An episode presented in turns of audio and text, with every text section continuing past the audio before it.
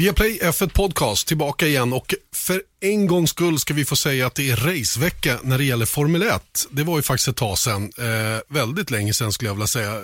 Tillbaka i november var det ju faktiskt som vi körde Formel 1-race senast. Och eh, idag ska vi självklart då prata upp det här eh, premiärracet då som blir eh, en bit in i juli faktiskt då. Eh, och det blir ett jättelångt uppehåll som vi kommer att gå in på också sen man körde senast. Eh, Extra kul idag är att vi faktiskt är samlade allihopa. Erik Stenborg, Ja, jag är här. du är också. här. Rickard Rydell Yes, hallå. och Björn Wirdheim. Jajamän, hej. Hela kvartetten heter det va? Mm. När man är fyra. Mm. Eh, samlad. Eh, vi, har, vi har inte fotomangen med bara, för han sitter på ett flyg ner till Österrike just nu. Just det. Och eh, det blir spännande. Lite mm, ja, blandade känslor runt det tror jag att Magnus har. Kul att komma ut på race men också lite, mm, ja, Det är en udda känsla tror jag att åka iväg nu med, med dels har han gjort sitt covid-test mm. med pinnen i näsan. Eh, jag läste att några behövde ta prover i halsen också, det hade han inte behövt göra. Hur ska han klara sig? Han brukar ju hålla dig i handen. Ja, det är väl frågan hur jag ska klara mig utan Mange. det är det som är problemet. Men eh, han ska dit i vilket fall som helst och, och det ska bli intressant att höra vad han har att säga om hur det är att vara på plats den här konstiga helgen. Och det är det, man har ju fått väldigt mycket information under de här senaste veckorna runt hur det här ska gå till. Men jag tror att i slutändan så blir det nog en sån där, ja, vi får se lite vad som händer. För det finns väldigt mycket regler och jag, min känsla är lite mer och mer nu att reglerna som kommer från Formel 1 är ganska mycket så här, hålla ryggen fri för att om någonting dåligt händer, känns det som. Ehm, så att jag hoppas att allt går bra, framförallt för Magnus. Mm. Och eh, sen så får vi se. Sen lär det visa sig. Eh, en senaste veckans spaning, Erik, har det hänt något kul? Ja, Björn har åkt till Sverige. Det tycker jag är kul. På obestämd tid. Ja, exakt. Ingen returbiljett. Nej, det har jag inte. Och ehm, det beror ju på att jag bor bosatt i, i England och ehm, det är ju karantänsbestämmelser där så, som innebär att om jag skulle åka hem så skulle jag bli fast där åtminstone två veckor. Det känner, det känner jag att det har jag inte råd med. Så att eh, jag är här i Stockholm, um, kommer vara här åtminstone en månad, förmodligen lite längre till att börja med. Och eh, bosatt hemma hos mina småbröder. Mm. Du är inte hemlös just nu. Ja det är jag, det är jag. Jag sover på soffan. Erik då? Eh, jag har inte rest någonstans. Jo, jag åkte go-kart igår. Ja, du ser. Faktiskt. Jag vill komma upp i, ehm, upp i fart, Ja. kände jag. Mm. Så jag bjöd med hela redaktionen. Det var bara jag som kunde. Jaså, Så att jag, jag tog med min kompis istället. okej. Ont i revbenen då? Nej, men däremot underarmen alltså. Ja, det såg jag någonting om ja. Jag har alltså... Pump, som- armpump. Ja, man gör ju, alltså det känns ju, det går ju fort alltså. Då gör du fel alltså. Jag vet, jag du gör måste fel. köra mer avslappnat. Ja, men jag har ingen talang, så det är det som är problemet. Så då måste jag hålla in. Det är sån här motocross, motocrossskada. Ja, Där de får snitta upp eh, vad heter det, mu- muskelsäckarna, eller vad kallas det? Eh, ja, Ja, muskelhinnorna. om någon kan snitta upp mina underarmar så vore det bra, Ja, just nu. det är lite som Rocky när han har fått stryk. De behöver klippa upp hans ögonbryn så han ser någonting. Mm. Rickard, har du eh, pysslat med Jag något fick kul? ingen inbjudan till eh, kartingen där av Erik, så att, eh, är vattenskidor bland annat. Ja. Lite, ja, så att, eh, lite ledigt, så det är skönt. Mm. Passa på nu innan säsongen drar igång. Hur varmt i vattnet är det där ute i trälhavet? Det var inte mätt, 20 21 någonstans 2022 tror jag faktiskt. Det har varit eh, bra, Ej badvänligt med andra ord. riktigt bra. Men en skida, det är ju starkt. Ja, men det är klart, det är så man hoppar i och kör. Det är från 1989 som du typ kör takterna vidare. från, eh, ja, när man var 18-20, höll på lite, lekte där. Mm. Precis. Men Rickard, ka- kan du, kan du starta i vattnet på en skiv- skida eller måste du starta från bryggan? Nej, nej, både och. Ja. Ja. precis, funkar. Man använder det andra benet lite grann som en skida liksom, för att balansera upp sig. Mig behöver de en Finlandsfärja för att få upp. Vi ska, vi ska testa det sen i sommar Det vore bra. på Janne. Eh, Jag eh, tjuvstartade Formel 1-säsongen med att köra Formel 1 för en vecka sedan. Just det. Mm. Det avhandlades ju delvis då i förra veckans podd, så att, eh, jag känner att jag är uppe i fart redan. Mm. Eh, hur som helst så ska vi inte sitta och babbla om det nu utan vi ska ägna oss åt att det faktiskt är racevecka och att vi kör igång den här säsongen då sent och väldigt eh, väldigt annorlunda uppladdning inför det här första racet då, i Österrike. En bana som eh, är den kortaste på den kalender som finns. Mm, exakt, den är 4,3 kilometer, lite, lite drygt. Och just i år är det den kortaste banan, normalt sett är det Monaco. Och eh, även den banan med minst antal kurvor.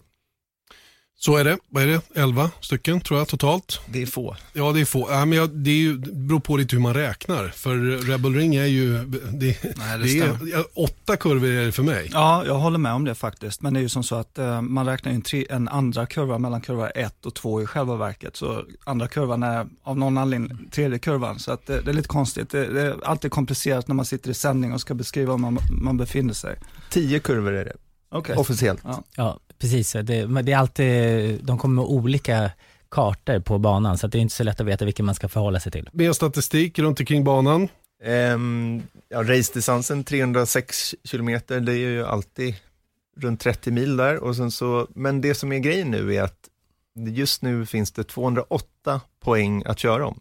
Just nu, för ingen vet ju hur lång säsongen i slutändan kommer bli. Just nu är det åtta race och det betyder 8 gånger 25 plus 8 snabbaste varv som man får en poäng för.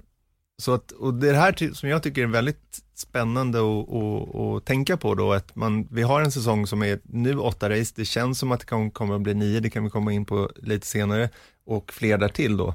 Men när man nu startar säsongen så är av allt att döma så är det åtta, nio race de har att förhålla sig till, men med vetskapen om att det kanske kommer bli fler. Och då undrar jag hur alla team och förare har i, för approach runt det.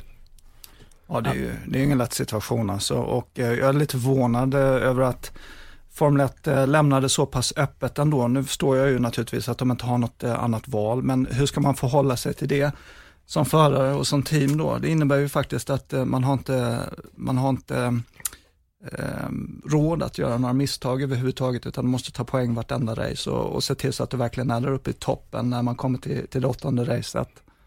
Ja, eh, misstagen blir dyrbarare, helt klart. Så det måste man ju tänka på. Men sen är det klart att om det inte händer någonting med utvecklingen av viruset, något mer så att säga, då, då är det ju 15 race man siktar på, minimum 15 race. Och det, det hänger ju ihop med de tv-avtal och sånt som finns för att eh, Formel 1 ska få in de intäkterna därifrån då.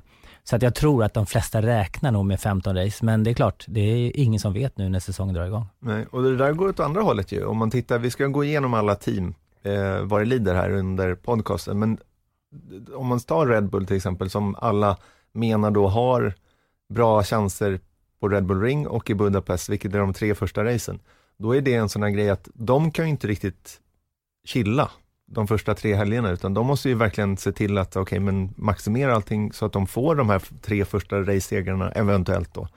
Men om de missar ett race, nollar Max Verstappen, då kan det ju vara över. Mm. Sen är det klart, om man tittar på förra årets race, då vet vi att Merca hade ju problem med värmen. Mm. Eh, någonting som de senare under säsongen löste problemet. Så att jag tror inte att de kommer ha samma, eh, de kommer ha bättre motoreffekt eh, den här säsongen mot vad de hade förra året, det racet. Så att vi vet inte exakt hur det står ut, men samtidigt som Honda har kommit med en uppdaterad motor nu eh, till det här racet. Så Ge- det, det är Genom mycket, ett kryphål i reglementet Exakt. faktiskt, där de fick fortsätta att Ja. arbeta i fabriken som ligger i Milton Keynes, eh, Hondas motorfabrik. Och, eh, det gjorde då att de kunde producera en, en ny uppdaterad motor då innan säsongen startar. Eh, en annan sak som, eh, som eh, när det gäller Mercedes där, jag lyssnade på James Allison, han var med i den andra podcasten som finns, det finns några stycken, men den, den som heter Beyond the Grid. Mm. Eller om han var med i den som heter F1 Nation, jag kommer inte ihåg. Spelar ingen roll. Eh, For, någon av Formel 1 egna i alla fall, där han var inne på just Österrike och problemen de hade då. Och de körde ju bilen långt under dess kapacitet. Så det var ju precis som Mm. du sa, det var ju värmen som gjorde att de inte kunde maximera resultatet den gången och det har de inte problem med i år. Nej, men faktum kvarstår att det är fortfarande ett bra läge för Red Bull. Alltså det är bättre läge här än på Silverstone, på pappret i alla fall. Så att det gör ju att Red Bull kan jag gissa kommer ha en jävla attack, medan kanske Mercedes känner att ja, men vi har våra bästa race framför oss. Så det, det, det är en intressant dynamik åtminstone fall, eh, i minsta fall att tänka på hur eh, saker och ting kommer ske. Men som sagt, vi ska gå igenom alla teamen. Eh, när racet startar på söndag har det gått 217 dagar sedan Abu Dhabis Grand Prix. Det här är det längsta uppehållet i Formel 1 sedan 1962 och det tredje längsta uppehållet i F1-historien då. Vi firar ju alltså 70 år i år då, eller Formel 1-VM gör det. Eh, det längsta då, vilket var det? Jo, 267 dagar och det gällde mellan säsongerna 50 och 51. Eh, som jag sa, 70-årsjubileum, eh, första racet för säsongen och det första det här årtiondet. Det är lite spännande. Eh, och då undrar man Björn och Rickard, eh, vad är känslan inför nu då, när det drar igång? Ja, det är ju en lättnad att vi äntligen kommer igång med säsongen efter den här svåra tiden och det har ju varit tufft eh, som Formel 1-fan att eh, kunna få se någon racing, men framförallt för Formel 1-teamen eh, som många har det väldigt osäkert eh, ekonomiskt just nu. Vi läser ju och var medvetna om att eh, Williams har befunnit sig i en, en tuff situation där, där teamet eh, för närvarande är utlagt till eh, försäljning, antingen en minoritetsdel eller, eller kanske till och med hela teamet och, och även McLaren som verkar vara i en något liknande situation, även om jag inte tror personligen att den är lika allvarlig där. Så att, ehm, och sen så kommer man ju då till förarna som inte har suttit i bilen sen de avslutade försäsongstesterna och det är ju jättelänge sedan. Jag vet att många av dem har förberett sig och, och, och kunnat köra någon form av Formel 1 på banan, eh, om det rör sig om eh, specifikationer från 2018. Men det blir ändå aldrig samma sak i och med att man använder sig av däck då, som inte är i närheten av samma specifikation som man använder sig av normalt sett. Och sen har vi fyra team då som inte gjort någonting överhuvudtaget. Det är Williams, det är Sauber, det är Haas och, och McLaren. Um, McLaren körde F3. Ja, F3 det gjorde de. Visst, visst. Mm. Så att um, Landon Norris, Carlos Sainz, de har åtminstone fått några varv eh, på, på Silverstone. Och det pratas mycket om det här med att man kör virtuell uh, Formel 1 för att uh, få en, en känsla, men det, man får aldrig fartkänsla när man, när man sysslar med det. Så att um, även om det var Formel 3 som de två McLaren-förarna körde så, så var det nog rätt så bra liksom att, att få några varv där ändå. Behovet av att skaka av sig rattrosten, Rickard? Absolut, det är klart att det är viktigt och att köra i simulator, det, är, du håller liksom kanske racandet vid liv, men du, du använder inte musklerna på samma sätt eh, och det är klart att det kommer kännas eh, att sitta i en bil. Så det är jätteviktigt att, att göra de här varven. Men jag tycker det ska bli spännande att se också, liksom, i och med att det har gått så lång tid från försäsongstesterna. Eh, och man vet ju att den bilen som de körde på för, försäsongstesterna, det är någonting som då var ritat, designat och framtaget under januari kan man säga. Och innan de var ute på banan i Barcelona så hade de ju säkert uppdateringar på gång som, inte, som de inte hade med sig dit. Sen gick det ju några månader innan det blev en shutdown. Så att det är klart att bilarna kommer ju vara, inte vara samma som de var på testerna i Barcelona och man hade också möjlighet att se på vad de andra teamen gjorde. Så att det blir spännande lite grann att se hur de står sig eh, gentemot testerna och speciellt eh, Red Bull som verkar ha en hel del uppdateringar och dessutom då på motorn. Tycker jag är lite kul att se. Jag tror att Red Bull känner att de har en, en ärlig chans i år faktiskt att utmana Mercedes och det känns lite kittlande. Eh, om vi stannar kvar vid banan då, eh, den här korta eh, snabba banan som man brukar säga har en enkel layout men som är svår ändå. Absolut, det är väldigt speciell bana. Jag körde Fia GT där 2001 när det hette A1 Ring, men det var ju samma bana. Eh, och man har väldigt mycket, den banan som man kanske har mest full gas på eh, på ett varv. I alla fall inte, äh, inte oh, lika mycket som Monza kanske. Ja, men jag tror att det, ja. det, det... Och det, det är ju så att eh, varvtiden är ganska jämna och det är den här första kurvan är ju otroligt viktig och ganska svår. Som går uppför och lite blind och missar man den lite, lite grann, ja då har du ju en lång, lång rak sträcka där du tappar väldigt mycket tid. Så att eh, kurva 1 är en av de viktigaste kurvorna. Eh, och sen eh, ganska så svårkörd i, i vissa partier där du bromsar nedförsbacke. Eh, kurva nu om du kallar den 8-9 eller 9-10. Inte de två avslutande. Ja, två avslutande, lite blind. Nu har, de prat, så har vi haft problem med de här uh, korvcurbsen, sausage curbs på utsidan där man slagit sönder framvingar. Men nu pratar de om att de har tagit bort dem. Ja, något, att, någon form av inversion. Ja, jag fattar inte riktigt vad det, var. Att det blir en typ av sån här curb där du liksom har lite gupp i istället. Okay eh, om jag förstår rätt. Mm. Så att det, det, kan ju vara bra, eh, så att bilarna håller ihop bättre. Men eh, jättespännande att se var de står någonstans. Och Björn, du körde ELMS på den här banan.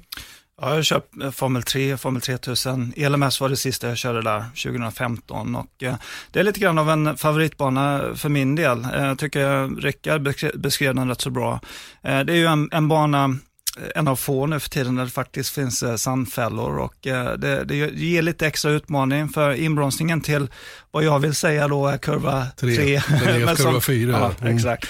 Den, den, är dessutom efter en hyfsat lång raksträcka i nedförsbacke, rätt så svårt att få till en bra inbromsning där, men kommer du till kanten lite för långt så kommer du till smutsen och sen har du direkt sandfälla och likaså i nästkommande vänsterkurva. Så att, Eh, det är få kurvor, det är bara två vänsterkurvor, men det är de som är den största utmaningen, de som eh, man håller högst fart igenom. Men det ställer ju till och med med däcksvärmen också om du bara har två vänsterkurvor och, och resten högerkurvor.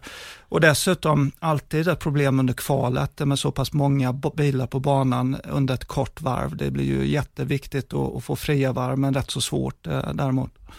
Och det, det här faktum då att mig veteligen så är det här första gången som man kör två race på samma bana under en och samma säsong.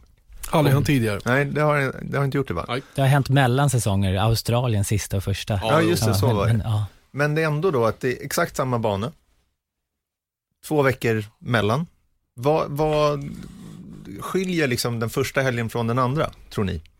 Alltså jag tror lite grann att de team som, eh, som har kanske tar lite längre tid på sig, de som inte är lika, som inte Mercedes eller Ferrari, Red Bull, som har ordning på grejerna, bättre ordning än de flesta tack vare att de har också en tre, kanske tre, fyra gånger så stor hög budget som många av de andra teamen. De här teamen i mittfällan om man säger, lite grann, de kanske får lite bättre andra helgen. De kommer hitta lite mer till andra helgen. Så kanske att det blir, fältet blir jämnare andra racet än första racet. Du menar att de, de i toppen ligger så nära max hela tiden? så- De brukar hitta rätt snabbare än vad teamen bakom gör. Och nu är då teamen bakom som kanske inte har samma resurser, de kommer kunna lära sig lite grann första helgen och närma sig andra helgen. Men finns det någonting som, som gör att, om, sä- säg att Red Bull vinner första helgen, är de självskrivna andra helgen också? Finns det någon variabel där som, som Nej, in- inte så såklart, absolut inte. Inte men på det- Red Bull Ring om jag vill Nej. minnas när det gäller däck till exempel som det kommer att bli på Silverstone där man förändrar gummiblandningarna till race 2. Det var ju, det var ju här man ville ha det här kvalracet till andra helgen för att hitta en, just en variabel som du är inne på då, att man istället för att kvala på traditionellt sätt skulle köra då ett, ett, em, ett kvalrace med omvänd startordning mot eh, mästerskapstabellen för att skapa en grid till racet. Och det där röstades ju ner av Mercedes då som ansåg att de tappade sin konkurrensfördel och det är de inte intresserade av. Speciellt inte under en komprimerad säsong. Där de eh, naturligtvis vill gå för full pott. Vinna båda titlarna nu då. Sista gången i det här reglementet var det ju tänkt. Nu blir det ytterligare ett år. Men de vill ju ha en obruten svit så att säga. Så jag, jag kan förstå att Mercedes reagerade som de gjorde. Va? Men, men ehm, jag tror att vi får hyggligt likvärdiga race såklart. För att det är ju, de är ju så otroligt väl förberedda i Formel 1 hela tiden. Så att det, det, det är få saker som kan överraska om inte vädret ställer till det. För det däremot är ju en variabel som de ska ha med sig. Och det sägs ju finnas risk för regn den här helgen. Och det kan ju ställa till det väldigt. Mm. Det finns ju några förändringar i det sportsliga re- reglementet som jag tänkte att vi skulle titta på två, som är ganska stora. Och apropå det här med däck, kan vi väl börja med det då, att eh, normalt sett så får ju alla team och förare välja antal, eh, de har 13 set torrdäck och sen får de disponera dem hur de vill, sett till soft, medium hard. Medan nu har de eh, ändrat på det. Ja, Ja. Pirelli har valt att bestämma eh, av produktionsskäl eftersom det har blivit som det har blivit då. Att hur många, alla, alla får lika många av varje sort. Det är också en faktor som, som borde göra eh, racet jämnare i och med att eh, teamen inte får chansen då att skräddarsy eh, sitt eh, däcksval eh, i förhållande till vad de har för några, eh, ja, vad de vet om bilen helt enkelt. Ja, och är det så att eh, något team vet med sig att man sliter däck mer, då kanske man hade valt en annan strategi. Nu får alla samma, men man förstår, får förstå eh, Pirelli också som måste ha ett visst antal veckor på sig att göra däck. Det är inte så lätt när Fia säger att nu är det åtta race och så helt plötsligt så är det 12, sen är det 15, så att de måste ju verkligen vara på tårna och eh, chansa lite grann med produktionen av däcken för att hinna med helt enkelt. Eh, den andra förändringen hänger ihop med motorerna. Ja, exakt. Och det har ju varit en sån här, en, ehm, man har ju en tilldelning av motorer för, av kostnadsskäl också. Ehm, en 22 race lång säsong handlar väl från början om tre. Och det finns massor av olika, det känns nästan inte som vi behöver, eh, gå igenom hur många allokeringar man har av varje element i motorn. Men poängen är då att de har gjort som en, eh, en vad heter det, glide path Mm. runt, sett till hur många, race, då får man en, en viss typ av allokering. Om man tittar på förbränningsmotorn till exempel, blir det mer än 14 race, då får man tre. Eh, men allting under 14 race, Eh, då har man bara två under säsongen. Och det är också en sån här variabel som vi pratar om, när man nu sätter igång säsongen så vet man inte hur många eh, race det blir och därav vet man inte heller hur många, hur sparsam med motorn man måste vara. För att jag menar om, om vi har åtta race, ja men då är det ganska gott om, då behöver bara de här förbränningsmotorerna hålla i fyra race. Men om det blir 13, ja men helt plötsligt så Ja, men eh, jag, eh, där tror jag det är precis samma grej som, som var Formel 1-teamen, hur de resonerar kring reservdelar. För att eh, det, det kommer ju bli ett problem också med så många race i tät följd att har vi sett vid många tillfällen tidigare att, jag minns Williams för några år sedan exempelvis, var tvingade att, att säga till sina förare att vara försiktiga helt enkelt. Och det hänger ihop med det här som man, den här förändringen som Rickard var inne på som man gjort i Österrike då det får inte ställa till det, men å andra sidan så, så måste ju teamen planera för att det blir åtminstone 15 race, för det låter mest rimligt. Så att jag tror att man kommer gå tillväga på det sättet eh, att eh, man planerar för 15 race och att motorerna ska hålla 15 race då enligt vad man har tillgängligt, eh, liksom med reservdelar. Mm. Men jag tänker Honda då som är aggressiva med en uppdatering nu, det gäller att de har koll på tillförlitligheten här, att de vet ja. att det de har gjort verkligen är någonting som kan hålla i längden. För annars kommer de ju bli tvungna att skruva ner och inte ha någon nytta av, av det. Eller kanske till och med ha ett problem som, som blir svårt att lösa utan att börja, börja behöva ta bestraffningar. Mm. Ja, och dessutom kört och uppdaterade motorn bara i bänk. Liksom. Man har aldrig fått eh, testat den eller så. Så det är klart en liten chansning. Mm. Ibland brukar man ju låta sitt eh, kundteam testa motorn först innan man eh, tar den i huvudteamet. Det har ju både Ferrari och, och Honda gjort liksom, tidigare. Red Bull är dock en av de teamen som körde en så kallad filming day på Silverstone med 2020-bilen. Så de har ju faktiskt rullat den. Så jag gissar att de hade, jag vet inte om Nej. de hade den. Garanterat. Ja. Mm. Garanterat, det var väl därför de gjorde det, skulle jag kunna tänka mig. Ja, gissningsvis. Mm. Men, men eh, hur som helst, de har, de har gjort den och då kanske de har fått sina 100 kilometer mm. eller vad de nu får på filmdag. Show, ja, filmdagen. Ja, precis. Men det är återigen då på demonstrationsdäck då, ja. som är långt ifrån den specifikation som de tävlar på. Så där vid lag ska de inte ha någon fördel. Ska vi börja titta på teamen tycker ni? Ja, det gör vi. Vi ska gå igenom varje team och varje förare. Olika långt, känner jag. Vi måste hålla det här lite, för det känns som vi kan sitta här i några timmar. ja, men jag tror inte våra lyssnare har någonting emot det. Nej, kanske inte. Men får... vi, eh, vi, eh, vi gör vårt bästa då. Absolut. Ska vi börja bakifrån då? Ja så som det såg ut förra året i alla fall. Med eh, Williams först ut då. Eh, kör ju som bekant med George Russell och Nicolas Latifi. Kanadensaren då, Latifi som är enda rookien. Eh, kommer att starta med nummer 6, tar över Nico Rosbergs nummer. Mm. Eh, 50 föraren som tävlar i F1 för Williams, eh, också lite speciellt säkert. Mm. Eh, och sen har de ju då George Russell då som är inofficiell eh, Virtual Grand Prix världsmästare. Mm. Han tog fyra, fyra vinster i den eh, virtuella Grand Prix-serien och blev därav mästare. Och, eh, det är ju han har inte tagit några poäng i Formel 1, så det Nej. var i alla fall någonting. Det har höjt hans status, ja, var, var ja. någonting han, han var inne på. Han hade fått mer uppmärksamhet för det än för sina resultat i Formel 1. Ja. Han är, det är en rolig förare, George Russell, tycker jag, för att han, han är så högt ansedd utan att egentligen ha visat någonting av det då i, i Formel 1. Har inte kunnat göra det av bekanta skäl. Då. Eh, stark givetvis i Formel 2 väldigt, väldigt eh, rapp i den bilen och varit bra egentligen hela vägen fram. Backad av Mercedes, eh, spås en lysande framtid. Eh, det är lite, det är liksom, han är inne i en kritisk period i sin karriär nu, var den nu ska ta vägen så småningom. Va? Så det här blir ju en speciell säsong för honom. Han är bra på powerpoints också. Ja, det kanske han är. Ja, just det. Han, han presenterade sig själv på Power. Det där tror jag vad jag vill om i och för sig. Va? Men, men vad jag menar är att 2021 är ju fortfarande öppet för Mercedes när det gäller vilka förare de ska ha. Och George Russell är definitivt en av dem som är inom ramen för de, de tittar på hos Mercedes. Så att det här kommer att bli en, en jättespännande säsong för hans del i det avseendet.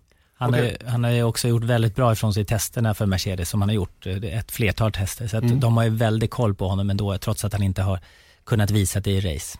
Han är ju lite svårbedömd eh, i och med att han kör för Williams-teamet och eh, Kubica hade ju ingenting att sätta emot eh, förra året, men det var det kanske ingen som hade räknat med heller. Och nu får han dessutom en, eh, en rookie-teamkamrat i, i Latifi som han borde ha ett rätt så bra övertag över Absolut. hela säsongen. Jag kan inte se att Latifi kommer i närheten av honom och det kommer ju gagna Russell. Han kommer ju se väldigt bra ut eh, skulle jag vilja säga ja. av det skälet. Var Latifis femte säsong i GP2 Formel 2 då förra året när han blev tvåa.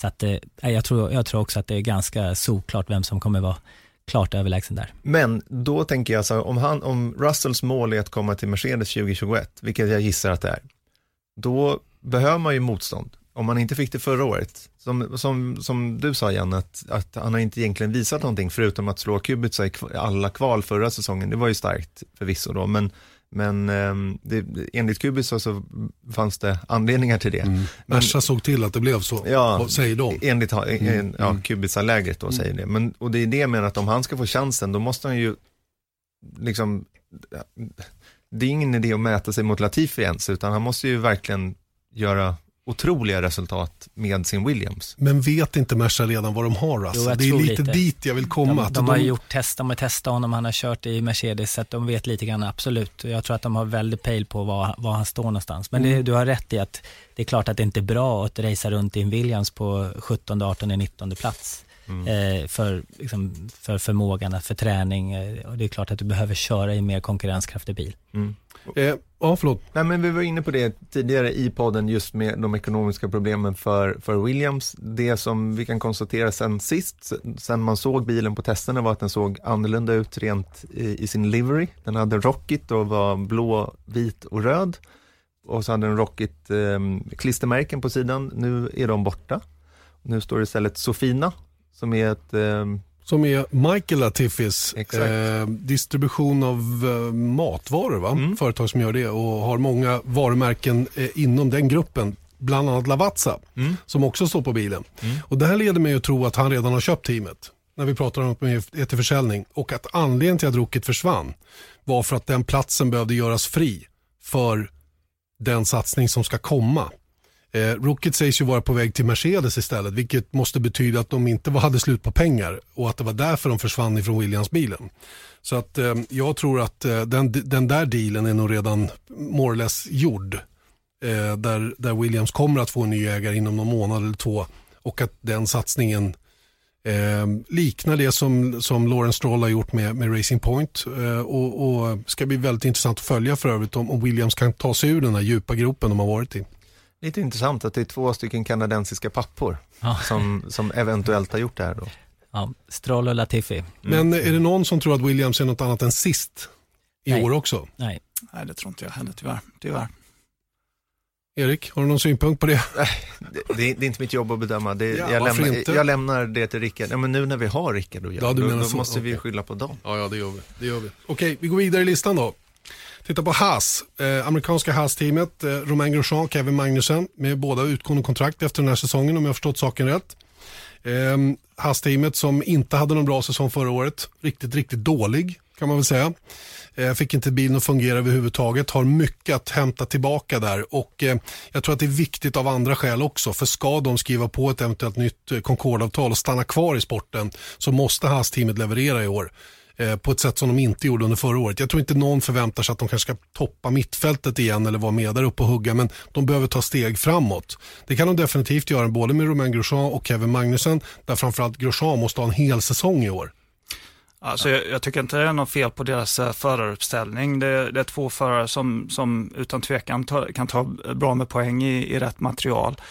Um, men uh, jag ser det som ett problem, för jag menar de drogs um, Eh, Eh, med det här problemet att de inte kunde få däcken att fungera under förra säsongen. Det verkar som att det blev lite bättre mot slutet, åtminstone att de skapade sin idé om vad som krävdes av den nästkommande bilen för att eh, liksom komma underfund med och få allting att fungera. Men nu har vi också hört det på senaste tiden att eh, Haas, de kan inte committa sig till vad de ska göra för några uppdateringar under säsongen förrän de vet hur lång säsongen kommer sträcka sig. För de har inte de ekonomiska resurserna att eh, sätta igång och uppdatera redan från starten och, och, det är ju oroväckande för, för hur säsongen kommer utveckla sig för dem. Plus att de har då det här samarbetet då när det gäller att bygga delar ihop med Dallara som är ett italienskt företag. Vi vet hur Italien har varit drabbad under den här krisen. Ja, men det är precis som Björn säger, just med uppdateringarna, när man, när man läser det och när man går ut och säger det innan säsongen startar, då, eh, jag har inte stora förhoppningar av, av, att de kommer uppdatera bilen. Nu, deras slitage med däck var ju det stora problemet, men det såg lite bättre ut på testerna i Barcelona. Eh, men det var väl inte helt klart om de hade löst det fullt eller inte. Nej, och de hade ju några krascher också som eh, såg lite underliga ut under testerna om jag minns det hela rätt. Och, och ja, vi får se lite grann. Jag har svårt att säga om de är fågel eller fisk, eller mitt emellan. Ja, jättesvårt. Det, det känns som det var ju faktiskt, om man tittar på förra året så såg det ganska bra ut i Australien och, och sen så, för jag kommer ihåg att vi intervjuade båda dem i Bahrain, så vilket var andra racet förra året och var så här, ja men nu, ehm, nu känns det väl bra så här. Och ehm, Kevin Magnusson i det fallet och Günther Scheinert, de var väldigt eh, uppåt och sen så bara föll, rasade allting samman liksom. Sen hade de en, en jobbig tid med Rich Energy och, och hela den biten också, så att jag tror att det kanske skönt att bli av med den grejen i alla fall, men det finns ju alltid de här ryktena runt vad Gene Haas, alltså ägaren till stallet, vad hans eh, liksom, avsikt är egentligen långsiktigt. Mm. Eh, han är nog positivt inställd till det nya budgettaket i alla fall som, som, som kommer att träda i kraft med 135 miljoner dollar. Ett minskande för övrigt budgettak också allt eftersom. Eh, I botten utav mittfältet? Eh, nia. Ja, det kommer Eh, ja, det handlar väl om Williams, eh, om, om de har gjort tillräckligt bra framsteg då för att blanda sig i den fighten tillsammans med Haas och några övriga team som vi ska prata om härnäst. Mm. Eh, vi fortsätter då och går igenom Alfa Tauri. Daniel Kviat och Pierre Gasly stannar kvar i teamet då och det här blir alltså första racet som det här teamet gör under sitt nya namn. Eh, det här klädmärket, Red Bulls klädmärke då, som man marknadsför numera då, istället för att heta Toro Rosso, då, det vill säga Red Bull på italienska. Eh, upp till bevis. Eh, det kommer att bli tufft för oss att hålla reda på Alfa Alfa till att börja med. Kan vi inte säga Toro Rosso Sauber? Eh, exakt, det är enklare. Exakt, ni har inte slutat säga Sauber till Alfa, så eller, det kommer inte bli något. Eller Force India. Ja, ja, exakt. eh, hur som helst, eh, spännande team tycker jag. Det, på något sätt så känns det som att det här teamet med sin lilla, lilla, eh, lilla vad ska jag kalla organisation i förhållande till många av de andra teamen då, och en, en klar systerorganisation då till Red Bull ändå gör ett väldigt bra jobb. Eh, och De har två starka förare får man väl ändå säga. Mm. Två förare då som, som, har, som har fått mycket stryk eh, i sin karriär just för att de är Red Bull-förare och hoppat upp och ner i organisationen. Va? Men båda verkar finna tryggheten i att köra i, i det mindre teamet snarare än i den stora organisationen hos Red Bull där pressen är oerhört hård att leverera hela tiden. Det är mycket, mycket mer familjärt bekvämt att åka i Alfa Tauri då, som de heter. Och eh, det här tror jag kommer bli gynnsamt för båda två som, som eh, därmed kommer att göra ett, ett, ett, bra jobb som jag ser det. Absolut, de är, de är som du säger bättre på att ta hand om sina förare eh, mentalt tror jag, liksom får dem att känna sig hemma och prestera. Det ser vi absolut på Gasly. Vilken, vilken vändning han fick när han kom till eh, Alfa Tauri då nu som det heter. Eh, så att jag, tycker det, jag tycker de har gjort ett jättebra jobb det här ligger kvar ända sedan Minardi-tiden. De, det är ett team som eh, är duktiga på att jobba med, med människorna och äh, jag, jag, jag tycker det ser ganska bra ut för deras del. Och visar att italiensk organisation kan funka.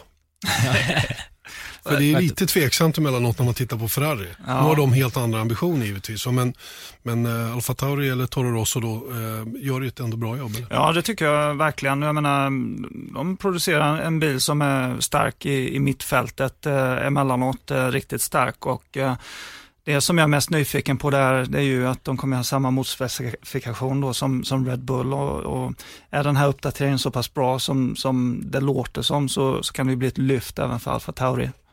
Jag ska säga det att eh, Toro Rosso, jag, jag, jag trodde att jag hade skrivit det här i ordning, men jag var tvungen, jag, nu när vi sitter och pratar om det så inser jag att de kom ju sexa förra året. Just det. Mm. Så, så, de kom inte eh, åtta, som jag skrivit här, mm. när de började bakifrån.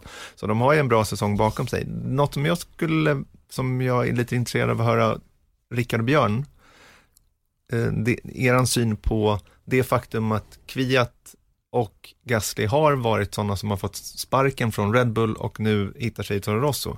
Vad har de för ambitioner att komma vidare därifrån? Är det att liksom hålla sig kvar i Formel 1 och göra så gott de kan eller är det för att komma tillbaka till Red Bull eller gå till något annat team och utmana om VM-titlar? Jag tror de har förhoppningar om, om allt det som du säger där. Eh, men framförallt så i Gaslys fall, även i Kviat naturligtvis, så, så rör det sig om revansch och det är det som motiverar dem att eh, göra bra ifrån sig och kanske revansch på det sättet att man blir erbjuden en, en styrning hos ett annat team och kan ta sig ur eh, Red Bull på, på det sättet. Ja, för problemet är att de har haft chansen i Red Bull så att det är inte lätt för dem att få chansen en gång till i Red Bull. Speciellt om Albon gör det bra.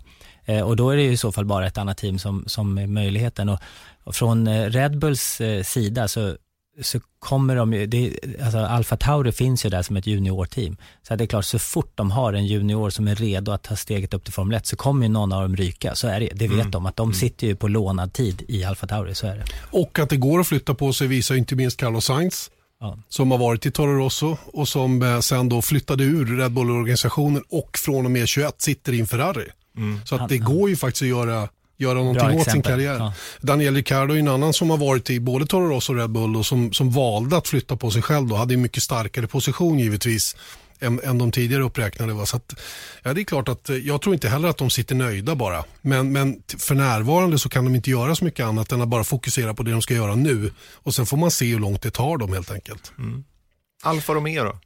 Eh, ska, vi, ska vi ranka Alfa Tauri först? Just det. Eh, nu, nu hade du lagt dem som åtta här och de, start, de slutade sexa förra året. Två starka pallplatser i Tyskland och i Brasilien.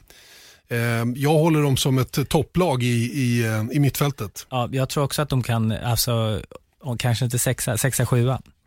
Kanske snäppet för det andra Alfa-teamet. Ja, men jag får nog uh, hålla med om det. Definitivt före det andra alfa-teamet som du säger mm. och uh, förhoppningsvis med de framstegen som, som Honda gör så kan de uh, närma sig toppen av, av mittfältet ytterligare. Mm, för den är också hård, det ska vi komma till alldeles strax. Eller tuff snarare. du var inne på det Erik, Alfa Romeo. Ja. Eh, kör vidare med Kimi Räikkönen, eh, numera drygt 40 år, snart 41 år. Eh, Antonio Giovinazzi då, 26 år. Eh, en, en blandad uppställning. Eh, ja, Räikkönen kämpar ju på. Mm. Han, jag, det, var det som slog mig bara när man tittar på hans statsheet är att han har tagit 1859 poäng. Och Giovinazzi tagit 14. Mm. Jag säger inte att det säger någonting, utan jag menar, killen har ju kört tusen år i Formel 1, men det är ändå, det säger någonting om erfarenhetssituationen eh, i det, den teamen. Det som är kul med Kimi Räikkönen tycker jag att, är att han har liksom kommit in i en ett andra liv i Formel 1. Liksom. Andra andningen. Andra, ja, men man ser hans, eh, på hans Instagram med hans familj, han, han verkar må bra. Eh, och det är alltid så att eh, tittar man tillbaks på sin egen karriär så har man nog presterat som bäst när man mår som bäst. Det är mm. lite grann, eh, det hänger ihop det där och han mår bra, han, liksom, han kör för att han tycker det är kul. Det, det, han har inte den pressen längre. Så att, eh, jag, tror, jag tror han kommer kunna prestera bra även den här säsongen. Väldigt tyst om Alfa Romeo måste jag säga var det tycker jag under försäsongstesterna. De, de stack inte ut speciellt och Eh, ja, de tappade ju Simone Resta då som teknisk direktör. Eh, Jan Monchaux fick ju kliva upp då som tidigare dynamiker och ta över den rollen. Störde lite grann under fjolåret, tror jag. Eh, och frågan är hur, hur bra de är ärligt talat. Va? Jag, jag är rädd för att de, det är nog de som kommer att kriga med Haas som, som om åttonde och nionde platsen i mästerskapet. Ja, jag tycker de är, de är svårbedömda eh, av de skälen som du har radat upp och eh, jag får nog eh, faktiskt hålla med om det. Jag tror inte att de kommer ha någonting att göra med, med toppstriden i mittfältet. Och speciellt säger jag det med tanke på att Ferrari då hämmades av den här förändringen på sina motorer de tvingades göra då till i år som blev en hemlig uppgörelse med Fia då och eh, man har ju tajtat till det här med motorerna ytterligare då. Man får ju förbränna mindre med olja till exempel, en grej. Eh, man inför ju en extra flödesmätare. Det var ju de här två sakerna som det diskuterades, Ferrari höll på och mixtrade med. Att använda eller ackumulera bränsle efter flödesmätaren då som man kunde använda vid vissa tillfällen och nu är det en extra flödesmätare som sitter på bilarna från den här säsongen. Va? Så att, och det tror jag inte gynnar Ferrari-teamen överhuvudtaget. Och jag vill också lägga till där att det var ju det som man med facit i hand tror att det kanske skedde även under 2018 hos Ferrari-motorn, i varje fall på en bil. Just det, mm. i Alfa Romeo menar du? Precis, mm. när vi nu pratar om Alfa Romeo. Mm. mm. Är Marcus Eriksson eh, del av det teamet fortfarande? Ja, ja, på något sätt tror jag han är det. Någon form av ambassadör. Eh, han är inte reservförare, det är ju som bekant Robert Kubica. Så det är ju... Och Tatiana Calderon? Calderon är utvecklingsförare. Mm, testförare. Eh, och de har ju dessutom ett juniorteam då som fortsätter hanka sig fram. Jag vet inte riktigt, jag trodde det skulle dö ut efter förra året för det var ju inte det hade varit lite konstigt men de kör vidare där, eh, där eh, Fittipaldi den yngste mm. eh, tillhör det, det gänget från och med den här säsongen. Okej, okay, åtta eller nio då? För Alfa Romeo? Är det den... Eh, åtta. Åtta säger du, före Haas? Ja, okay. ja det tror jag också. Okej, okay, bra. Eh, då fortsätter vi med, med ett jätteintressant team tycker jag, nämligen Racing Point som kör vidare då med Sergio Perez eh, och Lance Stroll då givetvis, son då till, till eh, en av ägarna då till teamet. Eh, Lawrence Stroll då, som har det här konsortiet bakom sig då, som köpte upp teamet då i samband med eh, Belgiens Grand Prix förra året. Eh, ett av de mest spännande teamen eh, och det är ju för att de eh, har producerat en bil som ser helt annorlunda ut än vad de har haft tidigare. De har gått ifrån sitt tidigare koncept. De har gjort en, en reversed engineering, kallar vi inte det? Jo. De, fotat, de har fotat av Mercedesen och försökt kopiera den så mycket de kan utifrån det då. Och uppenbart ifrån försäsongstesterna så såg det ju oerhört bra ut också när de körde den på banan. Eh, det här, eh, det här ska ju bli väldigt intressant att följa nu hur bra den här bilen är för många är oroliga över dem och det påminner lite grann om Haas för några år sedan mm. som också gjorde en more or less en kopia av Ferrarin och såg grymma ut under försäsongstesterna. Orkade inte riktigt leva igenom det under resten av säsongen men det känns som att det kan bli en liknande situation för, för Racing Point. Ja definitivt. Eh, det är nog det teamet som jag är mest nyfiken på under den här säsongen och eh, det verkar ju uppenbarligen som att eh, de har fått eh, det här kon nya konceptet då att, eh, att fungera enligt vad vi såg på försäsongstesterna och dessutom det, det är lite grann av en vild chansning som, som bara skulle mm, vara i ett år men nu har de dessutom fått eh, ett bonusår med tanke på att det, det nya tekniska reglementet har blivit skjutet på, på framtiden. Så att eh, Ehm, ja, är de så pass starka som jag tror att de är så kan de blanda sig verkligen fighten mellan vad jag skulle vilja säga kommer bli McLaren och Renault om eh, toppstriden i, i mittfältet då. Eh, som jag ser det, enda svaga länken i, i det här teamet är ju Stroll.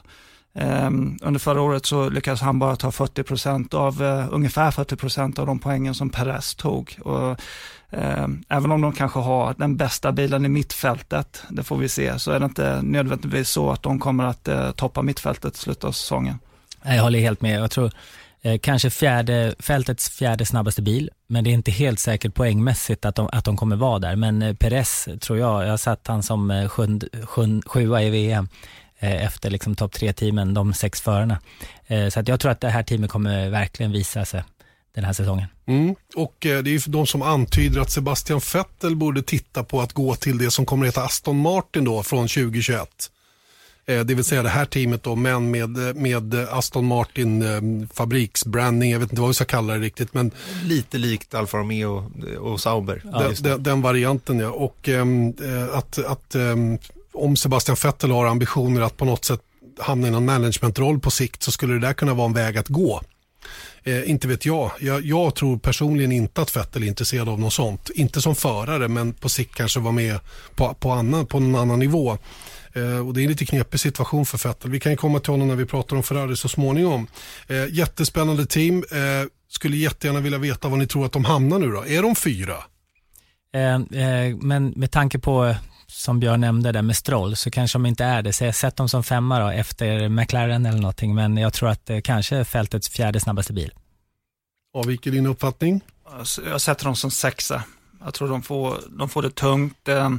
Alltså Stroll, han är ingen dålig förare framförallt hans racecraft tycker jag är helt okej. Okay. Men eh, där har han har problem under kvalet och vi vet ju hur viktiga kvalen är för, för raceresultaten. Startar du inte långt upp så är det svårt att ta sig upp genom fältet. Så att, eh, av det skälet så tror jag han kommer fortsatt, eh, ha det fortsatt svårt att, eh, att ta de här poängen som Perez eh, lyckas med. Och än en gång, det har ju också att göra med längden på den faktiska säsongen i slutändan också. För att han har ju en benägenhet att kanske ha lite off weekends ibland och det kan ju vara väldigt han, förödande. Han är lite off hela han tycker jag emellanåt. Ja absolut, men jag tänker just att han kan liksom mm. göra, göra lite misstag, lite dumdristiga grejer men även bara vara helt anonym en hel helg. Och Samtidigt då... klämmer han till med någon pallplats. Och, och... Ja men absolut. Ja, ja. Men, ja. men det är just, det är kanske inte, jag tror att consistency är liksom verkligen av yttersta vikt en sån här säsong. Alright, vi fortsätter och tittar till Renault. Renault-teamet, fabriksteamet Renault med Daniel Ricciardo eh, en sista säsong tillsammans med Renault-teamet och Esteban Ocon som ansluter till den här säsongen efter ett, eh, ett år vid sidan av. Eh, stark uppställning rent förarmässigt som jag ser det. Eh, Ricardo som alltså kommer att lämna Renault efter den här säsongen och går till McLaren. Det blev bara två år tillsammans med Renault.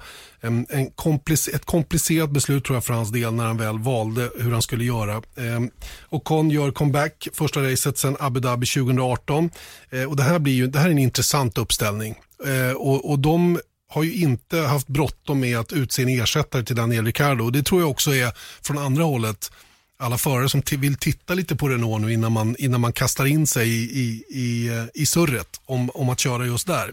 Men om vi ser till hur, hur de kommer att prestera i år så har de gjort ganska radikala förändringar på bilen.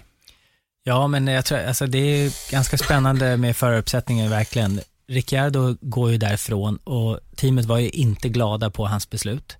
Eh, så det är lite negativt för honom att de har den känslan med honom samtidigt som de får in en fransman i teamet, ett Renault, fransk, eh, franskt märke. Eh, så att jag tror Ocon känns ju som att det är mycket, väl bra uppbackning för honom då i teamet att prestera och jag rankar honom väldigt högt. Han är en jätteduktig förare. Mm. Så att det, jag kanske lite till och med fördel Ocon i det där teamet. Eh, samtidigt säger Renault att de, det finns, ingen, det finns inga, inget ont blod mellan Ricardo och teamet. De har gått vidare från det där beslutet och kommer inte att eh, missgynna honom på något sätt. Det vore orimligt sett till att de måste ha poängen också. Ja, det är ju så, så viktigt eh, för dem och eh, Ricardo, eh, jag tycker det säger lite grann om hans framtidstro på Renault-teamet, att han tog det beslutet så pass tidigt eh, under säsongen. Ehm, innan han ens får chansen att, se hur pass konkurrenskraftig Renault-bilen är så väljer han att skriva på kontrakt eh, med McLaren istället. Eh, och det gör mig lite orolig. Sen Renaults framtid inom Formel 1, de säger själva att den är säker och framförallt med tanke på de här förändringarna som har gjorts eh, med budgettak och så vidare, att det har blivit lägre. Så att eh, det, det, är väl det positiva, men, nej, men jag, jag, håller med om att Ocon, han, han, han var ju en förare som matchade Perez utan några problem när de kör få sin det tillsammans. Så det säger väldigt mycket om hans kapacitet som förare, så att eh, eh, de har utan tvekan en, en väldigt stark förarlineup. Hur bra är bilen då, baserat på försäsongstesterna? Jag tror inte, alltså den har, deras målsättning var ju att närma sig topp tre, men det tror jag inte att de har gjort. Eh, jag tror fortfarande att McLaren har en fördel för Renault. Så de är alltså femma då enligt din ranking? Eh, sexa va? Ja just det, för du ja, hade ju, du hade ju Racing Point, framför också. Ja, ja. Du, du är så pass alltså? Ja. Okej. Okay. Och du? Femma. Femma, okej. Okay. Jag säger sexa. Bra. Bara för att sticka in nosen ibland. Ja, men det är bra. Ja. Så att du får vara med och leka lite mm. eh, i tyckandet åtminstone. Okej, okay. Renault-teamet är som sagt väldigt, väldigt intressanta och eh, jag hörde att Romain Grosjean nu börjar tycka att fasen Renault kanske skulle kunna vara kul att komma tillbaka till. Även han då, fransman slash schweizare. Eh, visst, hans kontrakt med Haas går ut och behöver Renault en, en, en stabil, bra förare som, som är eh, omvittnat duktig när det gäller feedback till teamet och sådana grejer, en bra utvecklare av bil, så kanske han är, är, aktuell. Jag tror att han har däremot satt fart på sitt management för att eventuellt flytta dit om det blir aktuellt för, eh, för teamet att titta åt det hållet. Jag vet dock inte hur viktigt det vore för eh, Renault att ha två fransmän i teamet. Nej, det är inte Nej. jag heller. Sen, är, sen har ju han varit ganska ojämn. Vi har ju sett då halva säsongen han inte presterat någonting och sen mm. nästa halva har ju varit hur bra som helst. Det har ju hänt ett par säsonger nu på rad. Så Lite hans grej ja. på något sätt. Ja. Consistency. Alltså bästa ersättaren för Ricardo i mina ögon skulle vara Hülkenberg. Ja. Viaplay F1 Podcast rullar vidare med teamgenomgång inför premiären av Formel 1 VM då, som nu eh, några dagar in i juli alltså kommer att köras i Österrike. Eh, vi har kommit en bit in i mittfältet, en ganska lång bit in i mittfältet. Vi avhandlade Renault. Eh, nu ska vi ta hand om McLaren. Eh, McLaren är ett jätteintressant team som har gjort stora förändringar de senaste åren. Stora, stora förändringar. De har hoppat fram och tillbaka mellan motorleverantörer och eh, kommer ju mitt i den här, eh, mitt i det här kaoset med två säsonger som ska hålla ihop rent tekniskt att tvingas byta motor från Renault till Mercedes. Tvingas eller göra det i alla fall. Mm. Eh, och den som, eh, de som ska köra är Carlos Sainz Jr och Lando Norris. Sainz som samtidigt då har skrivit på ett nytt kontrakt med Ferrari från säsongen 2021. Eh, vilket naturligtvis var eh, mer eller mindre ett givet beslut för honom att, att ta när möjligheten kom.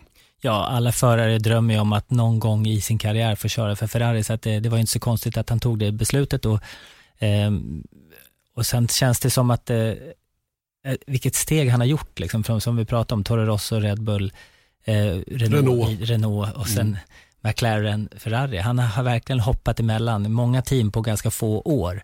Men eh, jag tycker han har förtjänat det också, den, den säsongen han hade förra året med de poäng han plockade. Okej, okay, Lando Norris slog honom knappt kvalmässigt, eh, men eh, racerna gjorde han ju extremt bra. bra så att ett bra val för, från Ferraris sida också.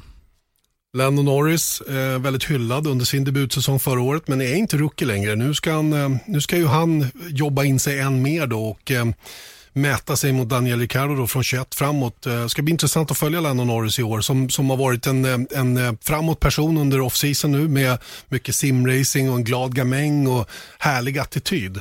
Jag var imponerad av Lando Norris förra året. Han gjorde mycket bättre ifrån sig än vad jag hade förväntat mig under sin rookie-säsong. Och just som Rickard nämnde, att han kvalade ut sin mycket mer erfarna teamkamrat Carlos Sainz i, i statistiken. Och, um, det är ju det viktigaste faktiskt, skulle jag vilja säga, för Formel 1 för att man, man är snabb under, under kvalen. För racecraft och, och det kommer naturligt med, med erfarenhet eh, och eh, jag tycker inte man kunde förvänta sig allt för mycket från Norris förra året med tanke på att det var hans första säsong och Sainz visar ju hela tiden att han är en, en stabil poängplockare. Men det har ju Norris naturligtvis lärt sig av och, och de har haft en väldigt bra relation och ett bra utbyte så att Norris kommer att bara bli, bli bättre. Mm. Omvänt mot Lance Stroll tycker jag. Bra, race, eh, bra kvalare men kanske lite sämre racecraft. Mm. Ja, men det skulle man kunna säga faktiskt. Men något som jag tycker är spännande med tanke på hyllningarna eh, av Norris under för, förra säsongen. Och det är lite det här jag tänker på, apropå det du sa, att han inte är rookie längre. Förra året så tog Norris 49 poäng, Sainz 96. Han tog alltså 50% mindre poäng nästan. Sen så fanns det en massa anledningar till det som inte var eh, för hans beskyllan så att säga, men ändå, jag menar, han kan inte köra en till säsong och komma med en poängskörd som är 50% av Science. Nej, inte om bilen har kapacitet för mer. Nej. Så måste han ju vara närmare vad bilen klarar. Och framförallt inte med Ricciardo som teamkamrat. För jag tror att Ricciardo har kapacitet att ta ännu fler poäng än vad, vad Sainz har. Teamet då Erik, de, de har ju, ehm, de, de, det låter ju som att de är på ruinens brant här, vilket de naturligtvis inte är. För nu kom det ju stadiga stålar ifrån eh, Bahrainska ägarna. Eh, de har hållit på och tjafsat lite grann om att få loss den säkerhet som, som en del tillgångar har suttit fast i. Som eh, till exempel deras Heritage-bilar, de skulle sälja av en del. De skulle sälja en del av sina faciliteter och sen hyra tillbaka för att få loss pengar. Då. Och det är ju, det, de här pengarna behöver ju de för att fortsätta jaga vidare mot toppen. Mm. Eh, byte till Mercedes-motorer är också väldigt viktigt för deras del för framtiden. Mm. Det är väl bara att det kom lite olyckligt. Jag tror att de hade hellre nästa, alltså jag ska inte, det här är en ren killgissning, men jag skulle gissa att det hade varit nästan bättre att köra vidare med Renault ytterligare ett år, hade de haft möjlighet till det. Eh, alldeles säkert, för det kommer ju, de kommer ju behöva använda många av sina de här tokenspoängen, uppdateringspoängen då för att, för att justera bilen för ett nytt motorpaket. Mm. Och det, det kommer ju kosta dem lite grann. Va? Så de får, ju, de får ju återigen då sikta på 22 eh, som, som den säsong när, när eh, de på allvar ska kunna göra sitt, sitt, sin attack mot den absoluta toppen. Mm. Samtidigt så tycker jag att så här, McLaren är en frisk fläkt nu för tiden. Jag tycker det, liksom, på något sätt så visar de Eh, ett klipp i steget. Mm. Och var hamnar då McLaren? Ja, alltså, jag nämnde att Racing Point kanske är fjärde snabbaste bilen, men jag satte den som femma, så jag har satt McLaren som fyra. Samma här. Samma där. Erik? Ja, jag kör också fyra. Då. Fyra. Ja. ja. jag tror faktiskt också att de är fyra. Um, det känns som att de är fyra faktiskt. Eh, baserat både på försäsongen och eh, på lite grann hur det var under fjolåret. Va? Så att, eh, jag, jag, är, jag är spänd på att se hur långt det ska räcka för deras del. Hoppas att de eh, har ordning på saker och ting för vi behöver fler team upp i toppen. Eh, dit vi har kommit nu. Vi har kommit till toppen. De tre vassaste teamen under fjolåret, nämligen Red Bull då till att börja med eh, som kör vidare med Max Verstappen och Alexander Albon som fick förnyat förtroende då för den här säsongen. Eh, starka uppdateringar från Honda har vi nämnt redan. Eh, kommer ju även med en hel del uppdateringar på bilen, ska köra sin hemmabana. Viktigt race för deras del. Eh, och jag personligen tror att Red Bull ligger närmast till hans att utmana Mercedes. Eh, eh, Verstappen har dessutom vunnit dubbelt i Österrike de två senaste åren. Eh, lite olika race visserligen, va? Men, men han har alltså kapacitet att vinna på den här banan som bakåt i tiden har varit ganska elak mot just Red Bull. Och lite konstigt, just med den asfalten som är väldigt slät och hur deras bil har jobbat däcken tidigare. Eh, om vi tittar på förarna till att börja med då. Max Verstappen är ju ett, en given favoritkandidat. Ja, det finns väl ingen teamkompis som har varit närmare än fyra tiondelar eh, i snitt kvalmässigt de senaste säsongerna. Vare sig det har varit Gasly eller Albon eller någon annan. Så att han är ju en otrolig talang och vi såg ju tidigare, flera, för flera år sedan, 2016 när han tog steget upp i Red Bull, att, eh, att jättesnabb, jättetalang, men han hade inte hela paketet. Men eh, sen ett par år tillbaka då, eh, Monaco 18 va, så har ju, förändrade han ju sin körning och gör ju sällan något misstag. Och, så att jag tycker han bara blir bättre och bättre och med tanke på den ålder han har, eh, född 97 då, blir ju 23 i år, så har ju, kommer han nog fortsätta att bli bättre. Har han gått och blivit 23? Snart, i september. I september. Hur länge har vi hållit på med det här egentligen? Nej, det är otroligt att han har så många säsonger bakom sig och fortfarande bara 23 år gammal. Men eh, jag, jag, håller med, alltså, han, han har ju mognat som förare, det har man ju sett klart och tydligt. Och jag ser faktiskt honom som eh, Lewis Hamiltons eh, främsta utmanare. Eh, det baserar lite grann också på den här fighten som vi såg dem mellan i, i Sao Paulo förra året.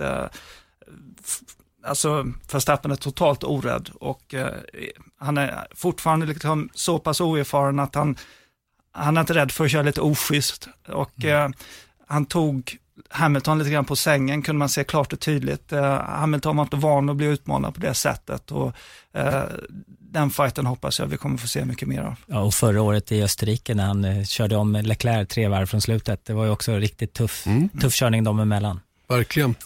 Öst, eh, jag kommer ihåg Ungern också, där han var på vippen att vinna också, där han föll lite grann på teamets strategi. Mm. Rak fråga då.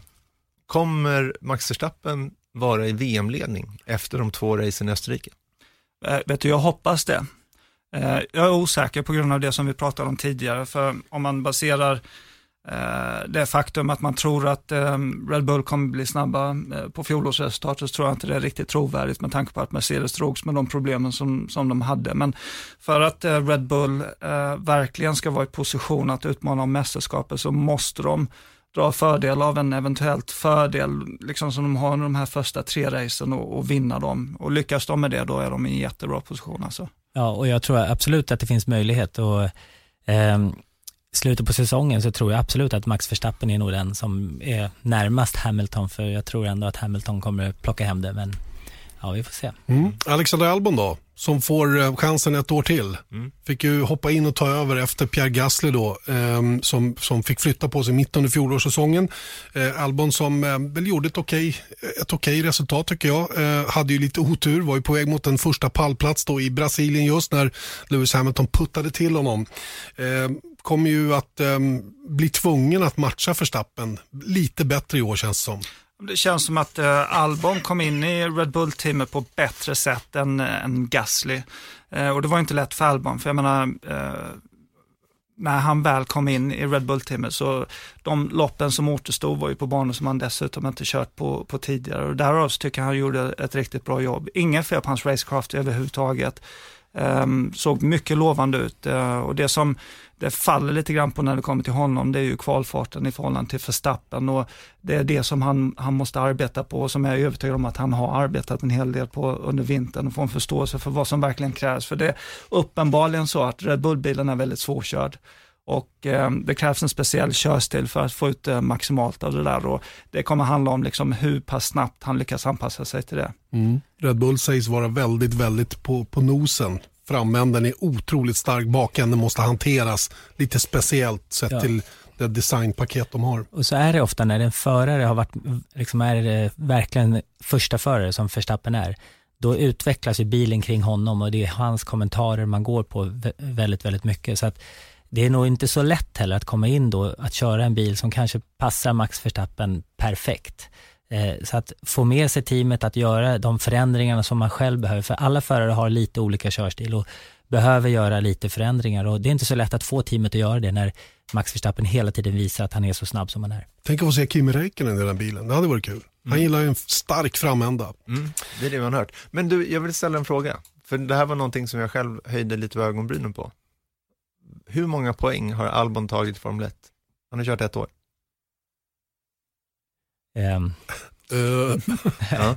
Jag kommer inte ihåg faktiskt. Man, tänker, man tänker att eh, han... Jo, men vänta nu. Han, eh, han tog ju fler poäng än vad Verstappen gjorde.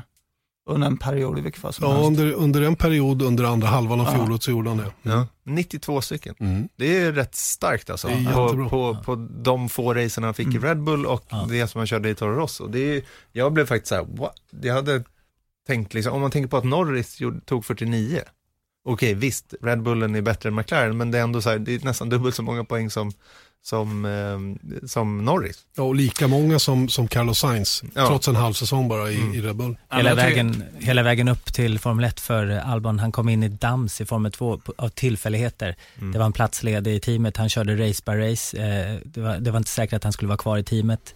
Och, alltså, och sen då vidare upp i Toro Rosso. Så att han har ju han har gjort ett otroligt jobb. Väldigt kul att se en sån förare hamna i Red Bull. Men En det, så, det som är desto mer intressant är ju det här förhållandet mellan Verstappen och Albon, att han lyckas matcha eh, Verstappen liksom, när det kommer till poängplockandet. Eh, vi pratade om Lance Stroll och Perez tidigare, 40 procent.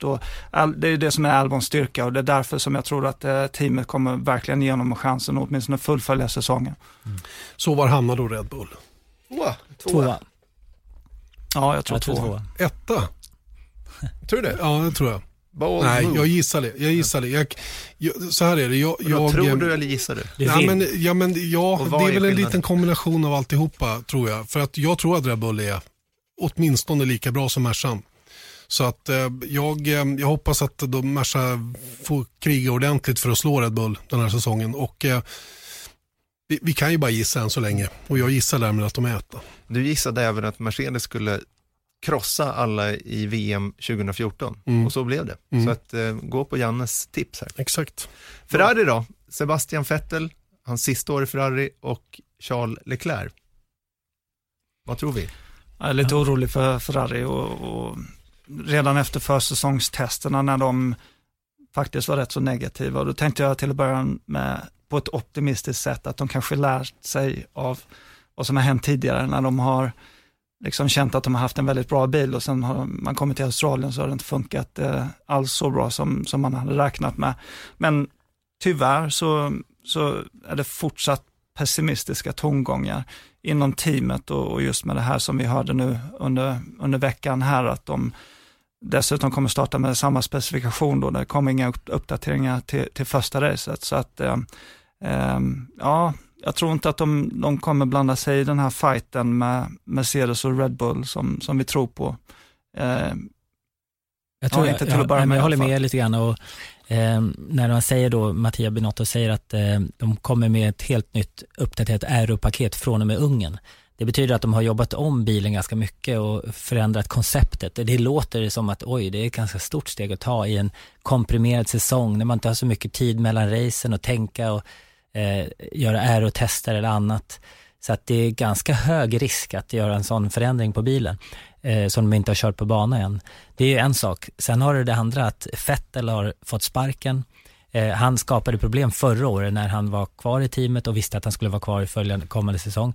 Hur kommer han vara i år då? Nu, han vill vi verkligen bevisa var han står någonstans. Han kommer nog, liksom, han kommer vilja göra allt. Det kommer inte bli lättare att hantera de två i år mot förra året. Nej, jag håller med. Alltså. Och det, det är jag verkligen nyfiken på att se hur han kommer gå tillväga, för han har ingenting att förlora överhuvudtaget. Och, ehm, han, i, I mina ögon så kommer Vettel bara vara kvar i Formel 1 om han blir erbjuden en, en styrning i toppteam. Jag ser bara Mercedes som kanske en eventuell möjlighet. Men jag tror inte den är speciellt stor. Men han kommer göra allting och på ett sätt så kanske det gör att han, han har lite mindre press ändå och, och kan fokusera mer på körningen. Han kommer definitivt inte bry sig om några teamorder. Det har han ju aldrig gjort tidigare heller när man har sett att han har kört mot eh, Mark Webber eller Charles Leclerc då. Men i, i ännu mindre omsträckning nu skulle jag vilja säga. Och sen så är det som så när det kommer till Vettel, han har inte tappat farten på något sätt. Eh, han har tappat omdömet lite grann under de senaste två säsongerna i, i, i närkamper och det har ju lett till de här misstagen. Men det borde han kunna rätta till. Eh, det hade varit värre om han, om han helt plötsligt hade varit mycket långsammare än tidigare. Mm. Eh, för min del så tror jag Ferrari inte lurar mig riktigt. Jag, jag tror att de helt enkelt har ändrat sin approach medialt. Hur de kommunicerar sin möjlighet. Jag tror att de mår bra av att slå lite grann i underläge. Det, det är nummer ett. Jag är också, jag tror som ni att de, de har haft lite grejer som behöver justeras på bilen och det som du pratar om att de gör till Ungern eh, när de eh, har omdesignat aeropaketet lite grann så hänger det ihop med att det är smart att göra med tanke på att vi ska ha samma bil under 2021. Så att det, visst är det risky business i år men det är smart för framtiden att göra det på det viset. Men jag tror, jag tror inte att Ferrari är snabbast. Det gör jag inte. Jag tror inte att de är snabbare än vare sig Mercedes eller Red Bull, men inte långt efter. Och jag tror en bra dag så är de med och slåss om vinster. Och precis som ni är inne på, Fettel har inget att förlora och Martin Brundle var inne på att han, han kommer att flyga den här säsongen just för att han är fri och ledig nu. Han behöver inte bry sig. Och sen är det ju också som så, det här frågetecknet eh, kring motorn. Är den lika stark som den har varit tidigare? Mm. Leclerc då? Han är ju liksom, tillsammans med Hamilton och Verstappen så är han liksom den som man verkligen, vet, Formel 1 ska verkligen bygga de här som framtida antagonister. Nu är det hans eh, bara tredje säsong i, i Formel 1. Han anses ju i varje fall utifrån som en teamleader. Är han redo att ta det klivet så att säga? Det tycker jag att han är, absolut. Men det blir inte lätt att vara det före Vettel som då som ser sig själv som en team, teamledare. Det är det här jag menar, det, kommer bli inte, det blir inte lätt att hantera de två, men jag tror att eh, Charles Leclerc är redo att, att vara den och jag tror faktiskt att han kommer plocka mer poäng än Sebastian Vettel i år, men det kommer bli väldigt tajt dem emellan. Alltså, alltså, han är redo att vara teamledare, det tycker Ferrari också, annars hade de inte gett eh, Vettel sparken. Mm. Sen det enda som talar emot Leclerc lite grann, det är att han är väldigt hård på sig själv. Han är väldigt självkritisk och sånt kan ju då, om man hamnar i en ond spiral, vilket är lätt att göra om inte materialet räcker till, man börjar överköra och ställer till det för sig själv. Lex Fettel de senaste åren när, när han har fått ta i mer än vad bilen klarar och därmed eh, fått fram en massa misstag. Det är sånt som kan drabba även Charles Leclerc tror jag. Men, men eh, kan, de, kan de hantera honom och det kommer ju ställa stora krav på Mattia Benotto nu. Väldigt stora krav på hans ledarskap om det ska bli något vettigt av det här samarbetet i år och det som komma skall när Leclerc ska köra upp med Carlos Sainz. Mm. Så, var hamnar Ferrari? Tre, ja, tredje team. Tredje. Trea. Trea, okej. Okay. Trea i mina ögon också, mm. absolut. Eh, då har vi bara ett team kvar. Ja, Mercedes AMG F1 Team med eh, Lewis Hamilton och Valtteri Bottas. Så ganska, ganska klart då. Mm. För mig är det ganska klart dem emellan också. Mm.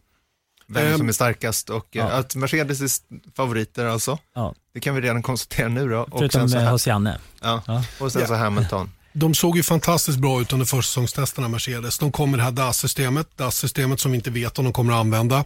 Det sägs att Red Bull är beredda att lämna in en protest så fort att de ser att det finns på bilen. Eh, DAS som alltså är då ett sätt att ändra hjulvinklarna på bilen då under gång på raksträckor kontra när man kommer in i kurvorna. Och eh, en ganska snillrik lösning då som, som Mercedes har jobbat med ett tag och som de eh, debuterade, om jag förstår det hela i alla fall rätt, under testerna i Barcelona. Ehm, och, och, var ju närmast överlägsna där under testerna kändes det som. Bara gick och gick och gick och det hände sällan någonting. Några motorhaveri var i och för sig för Mercedes under försäsongen men generellt så har de ju bra koll på läget och eh, med, med Lewis Hamilton som är i, i stor form. Eh, väldigt eh, djupt engagerad i, i det här som kallas för Black Lives Matter just nu och jobbar närmast politiskt skulle jag säga på många, på många sätt. Frågan är om det har, har distraherat honom någonting när vi nu ska börja köra igen? Ja, det kan man ju fråga sig, men å andra sidan, han har alltid varit känd för att eh, ha haft en massa olika intressen vid sidan av Formel 1 och emellanåt till och med blivit ifrågasatt eh, för om han verkligen lägger tillräckligt stort eh, fokus vid eh, hans eh, arbetsuppgift i första hand som att vara Formel 1-förare. Men det, det, det, kan man ju inte belasta honom för. Eh, det är ingen tvivel om att eh, Eh, och även när man hör hans teamkompisar liksom så bortas när han kom in i teamet, eh, som inte hade insett hur pass involverad Hamilton var i Formel 1. Så att eh, jag tror inte det har tagit eh, någonting från hans fokus eh, överhuvudtaget. Jag tror nästan att det är tvärtom. Ja. Alltså att det givit honom någonting. Om man tittar på vad som har hänt nu, att han har startat det här Hamilton Commission, eh, vilket har gjort att, att Mercedes har följt Hamiltons exempel helt enkelt och de kommer med en ny livery. Den kommer vara mm. mestadels svart för att hylla Black Lives Matter. Eh, de är väl det första teamet också som offentliggör deras mångfaldssiffror inom teamet, vilket var oväntat eh, ospretigt om man säger så. Jag kan bara ta dem där. 3% av arbetsstyrkan är från etnisk minoritet, 97, alltså 97 är vita och 88% är män. Eh, jag tänker bara det faktum att de går ut med det här rakt ut, stöttar alltså Hamilton i det där, mm. så jag tror att han känner, hans lojalitet mot Mercedes och Toto Wolf som redan var hög blir bara mer. Så är det. och tittar man lite grann på Lewis Hamilton, eh, som du säger, han har varit, de har gett honom en väldigt fri roll, han har tagit det och han har samtidigt presterat. Han har blivit bättre år efter år. Förra säsongen var hans starkaste säsong någonsin, eh, med de, den säsongen han tog mest poäng i. Eh, och så att jag tror att eh, jag tror att det är såklart. Han är en teamledare i Mercedes och Bottas har ju jobbat stenhårt den här vintern nu då för att försöka närma sig och eh, vi har Micke Häcken har gått ut och säger att eh, Bottas kommer den här, leverera den här säsongen. Och det, det har Konstigt varit att hans management säger det. Ja, det har varit likadant varje år lite grann. Han har fått kämpa sen, så, men sen i slutändan så har ju ändå Lewis Hamilton ett par, tre tiondelar upp när det krävs och speciellt i race på, på Valtteri Bottas. Så att, eh, jag tror inte att det är någon tvekan om att han är favorit inför den här säsongen i alla fall. Statistiskt viktigt år för, för um, Mercedes och Lewis Hamilton. Uh, Hamilton kan tangera sju titlar, uh, samma som Michael Schumachers rekord. Uh, åtta segrar till så går han, upp, då går han om Michael Schumacher på 91. Så det är ju viktiga så att säga, landmärken för, för Lewis Hamilton i år. Och sen vill de ju ta dubbeln en gång till nu då.